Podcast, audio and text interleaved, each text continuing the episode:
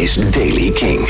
Nieuws over My Chemical Romance en Fate No More. Dit is de Daily King van dinsdag 28 januari. My Chemical Romance heeft nog meer shows in Europa aangekondigd.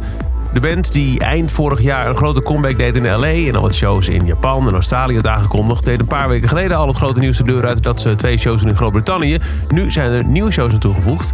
In Dublin, voor het eerst sinds 2011, staan ze op 23 juni.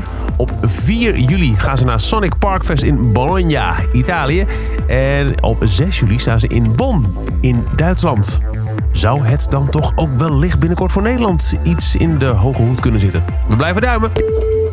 En dan Fate No More. Kink Presents Fate No More. Na een pauze van vier jaar gaat de band weer op tour en komt op 3 juli in Avas Live.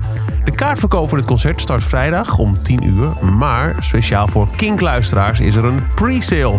Je kunt dan al vanaf donderdagochtend 10 uur je kaarten kopen voor dit concert.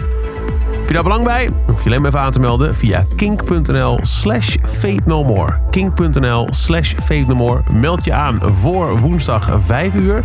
Dan krijg je woensdagavond de exclusieve link voor de pre-sale in je mail. En tot zover de Daily Kink.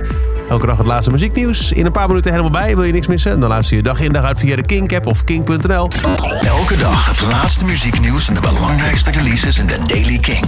Check hem op kink.nl of vraag om Daily King aan je smart speaker.